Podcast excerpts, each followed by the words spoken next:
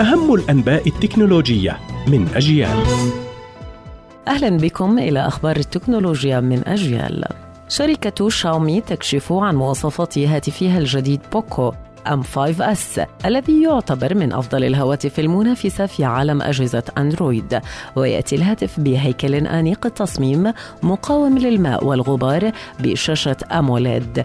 يعمل بنظام أندرويد 12 ومعالج ميديتك Helio G 95 وذواكر وصول عشوائية 4 و6 جيجا بايت والكاميرا الأساسية الهاتف رباعية العدسات والكاميرا الأمامية بدقة 13 16 ميجا بكسل وزود الجهاز بمنفذين لشرائح الاتصال ومستقبل لإشارات الراديو ومسح لبصمات الأصابع وشريحة NFC للدفع وبطارية بسعة 5000 ملي أمبير تعمل مع شاحن سريع. القائمون على تطبيق تيليجرام يطلقون مسابقة لمطوري التطبيقات التي تعمل بأنظمة iOS لتطوير تطبيق جديد لتحرير وتعديل ملفات الوسائط المتعددة والصور بالاعتماد على تقنية سويفت على أن يحوي أدوات للرسم وتعديل الصور وإدخال وتحرير النصوص. وسيحصل الفائز على جائزة مادية بقيمة 50 ألف دولار.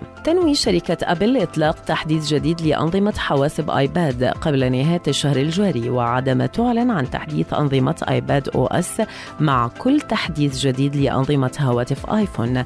لكنها هذه المرة غيرت استراتيجيتها وتبعا للتسريبات فسيحمل النظام تصحيحات برمجية تعالج مشكلات كان يعاني منها بعض مستخدمي آيباد. كما سيحمل واجهات استخدام جديدة ورموزا تعبيرية أكثر تنوعا. إيلون ماسك مالك شركة ستارلينك يعلن أن شركته ستواصل إمداد أوكرانيا بخدمات الإنترنت رغم الخسائر الفادحة التي تتكبدها على الصعيد المالي.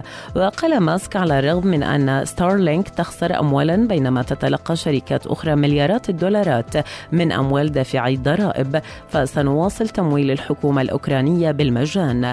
وكانت سبيس إكس المملوكة لماسك طلبت من وزارة الدفاع الأمريكية تمويلا لاستمرار التبرع بخدمات ستارلينك المكلفة لأوكرانيا. نهاية النشرة التكنولوجية كنت وإياكم غصون صبري. هذه تحية وإلى اللقاء.